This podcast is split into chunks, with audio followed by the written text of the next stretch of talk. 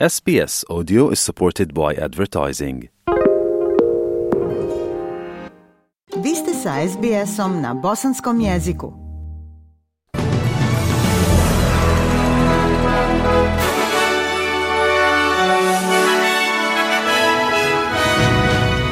U današnjim vijestima poslušajte. Nezavisna senatorica Lidija Torp optužuje zelene za rasizam. Turski birači spremaju se za historijski drugi krug izbora. I u sportu BH alpinista Tomislav Cvitanušić stigao u Sarajevo nakon osvajanja Mont Everesta. Nezavisna senatorica Lidija Torp optužila je zelene za rasizam, rekavši da će podnijeti tužbu Australijskoj komisiji za ljudska prava. Gospođa Torp je prošle sedmice izjavila da se njena bivša kolegenica senatorica zelenih, Sara Hanson Young, nije uspjela suprotstaviti rasizmu u stranci usmjerenom prema njoj. Sara Hanson Young odbacila je optužbe, a gospođa Torp rekla je za ABC da je doživljavala rasizam cijelog života života na svakom radnom mjestu i da zeleni nisu bili ništa drugačiji. Samo želim da se rasizam iskorijeni. Znate, ABC, to se zove institucionalni rasizam. To je temelj ovih institucija koje su rasističke, koje omogućavaju pojavu rasizma. Mislim da svi treba da pogledamo u sebe i to iskorijenimo i učinimo svoja radna mjesta sigurnijim. Sedmica nacionalnog pomirenja počela je jučer širom zemlje, a zagovornici kažu da je ovogodišnji događaj posebno značajan zbog predstojećeg referenduma za glas autohtonog stanovništva u parlamentu održavajući se svake godine od 27. maja do 3. juna, organizatori kažu da je misija sedmice ove godine ohrabriti sve Australce da budu glas za pomirenje na opipljiv način u našem svakodnevnom životu. Pristalice ustavnih promjena vratile su se u Luru kako bi obilježile šestogodišnjicu objavljivanja izjave iz srca i pozivaju za glas pri parlamentu. Nathan Apo iz grupe Voice Referendum Engagement kaže da Australija na pragu stvaranja historije. Starješine iza mene su uradili već mnogo teškog posla. Referendum iz 1967. Oni su uradili sve teške poslove. Prešli su sve, vodili sve borbe.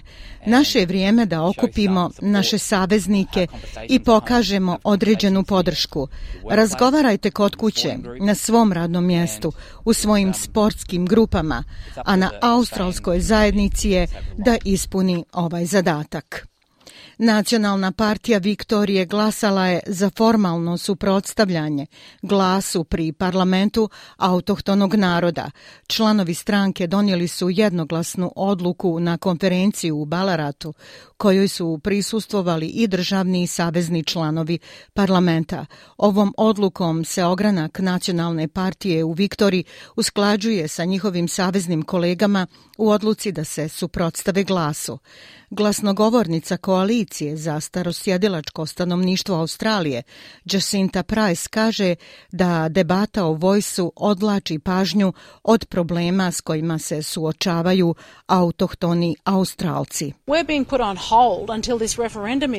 Stavljamo se na čekanje dok se ovaj referendum ne završi, a stvarna pitanja se ne rješavaju odmah, jer vlada Albanizija sugeriše da je glas parlamentu jedina stvar koja će riješiti neka naša teška pitanja, što je potpuno netačno. To je njegova odgovornost. Odgovornost ministra za starosjedilačke australske narode je da se pozabavi ovim problemima koji se dešavaju upravo ovdje. Vijesti iz svijeta. Na izborima u Turskoj i predsjednik Erdoğan i opozicioni lider Kemal Kilić Daroglu dali su svoje posljednje izborne ponude. Predsjednik Erdoğan, koji je favorit za pobjedu, vodi Tursku 20 godina. Opozicioni lider gospodin Kilić Daroglu obećao je da će poslati sirijske izbjeglice natrag u njihovu matičnu zemlju ako bude izabran. Otprilike 3,5 miliona Sirijaca žive u Turskoj kao izbjeglice od građanskog rata 2012. ali su ekonomski problemi zemlje pogoršali rastući val neprijateljstva koji se prenio na predsjedničke izbore. Gospodin Kilić Daroglu kaže da će se ova realnost promijeniti ako on dođe na vlast. Erdoğan sen Erdoane, nisi zaštitio granice zemlje, nisi zaštitio svoju čast, namjerno si doveo više od 10 miliona izbjeglica ovamo. I kao da ni to nije bilo dovoljno, prodao si državljanstvo Republike Turske da dobijemo glasove stranaca. Vi ste naše građane učinili izbjeglicama.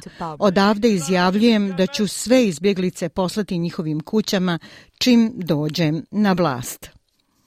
Predsjedavajući predstavničkog doma Sjedinjenih država Kevin McCarthy kaže da su njegove kolege republikanski pregovarači sve bliže sporazumu koji bi riješio dužničku krizu u zemlji, ali da nisu postigli dogovor s predsjednikom Bajdenom.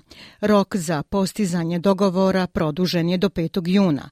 Predsjednik Bajden je pristao razgovarati s gospodinom McCartijem. Bajden je ranije razgovarao s demokratskim liderima u kongresu, dok je predsjedavajući Republikanskog doma okupio svoje glavne saveznike na Kapitolu u Washingtonu. Gospodin McCarthy kaže da je vrlo strpljiv. We have to inflation. Got to make us less dependent Moramo obuzdati inflaciju, moramo biti manje zavisni od Kine.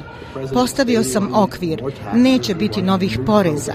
Predsjednik je govorio o više poreza i novim programima. To se neće desiti. Zaista se moramo fokusirati na to kako obuzdati dug i biti na boljem mjestu na kraju ove godine. Najmanje 11 ljudi iz nomadskog plemena u Pakistanu poginulo je nakon lavine na sjeveru zemlje. Među poginulima je i četvorogodišnji dječak. Još 25 osoba je povrijeđeno, a akcija spašavanja je u toku. Muhamed Kiširo je lokalni volonter i kaže da je to teška operacija. Imamo dovoljno ljudi koji ih traže. Ima dovoljno ljudi tamo. Sada pada snijeg. Ljudi se suočavaju s velikim poteškoćama.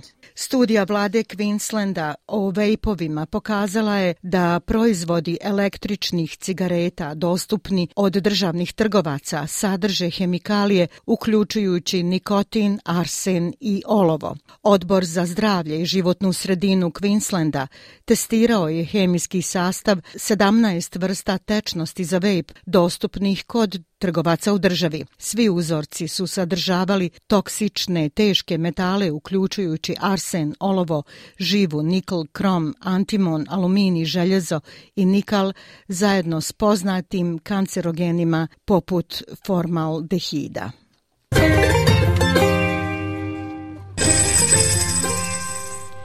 Prema kursnoj listi, australski dolar danas vrijedi 0,65 američkog dolara, 0,61 eura, 0,53 britanske funte te 1,18 bosanske konvertibilne marke.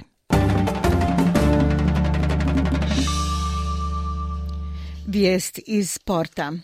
Bosansko-hercegovački triatlonac i alpinista Tomislav Cvitanušić stigao je u Sarajevo nakon što se popeo na najveću planinu svijeta, Mont Everest, visoku 8848 metara. Javnost je s velikom pažnjom pratila njegov pohod na Mont Everest koji je počeo 31. marta. Rizik osvajanja Mont Everesta bio je ogroman. Ove godine posebno bilo je 12 mrtvih i pet nestalih, što je previše za ovu planinu. Osjećaj kada ste na vrhu je potpuno suprotan od onoga što bi čovjek očekivao, da se osjeća moćno i snažno.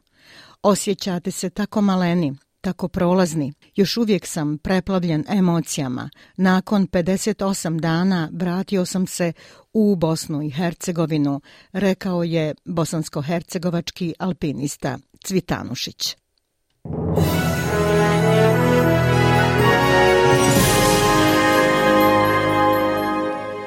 I za kraj vijesti poslušajte temperaturne vrijednosti za veće gradove u Australiji. U Pertu je oblačno 21, Adelaidu kiša 17, u Melbourneu također kišovito 16, u Hobartu 14, u Kamberi 12, u Sidneju oblačno 18, ali u Brisbaneu sunčano 23 i u Darwinu sunčano 30 stepeni. Bile su ovo vijesti SBS-a na bosanskom jeziku. Ja sam Aisha Hadži Ahmetović. Ostanite i dalje s nama.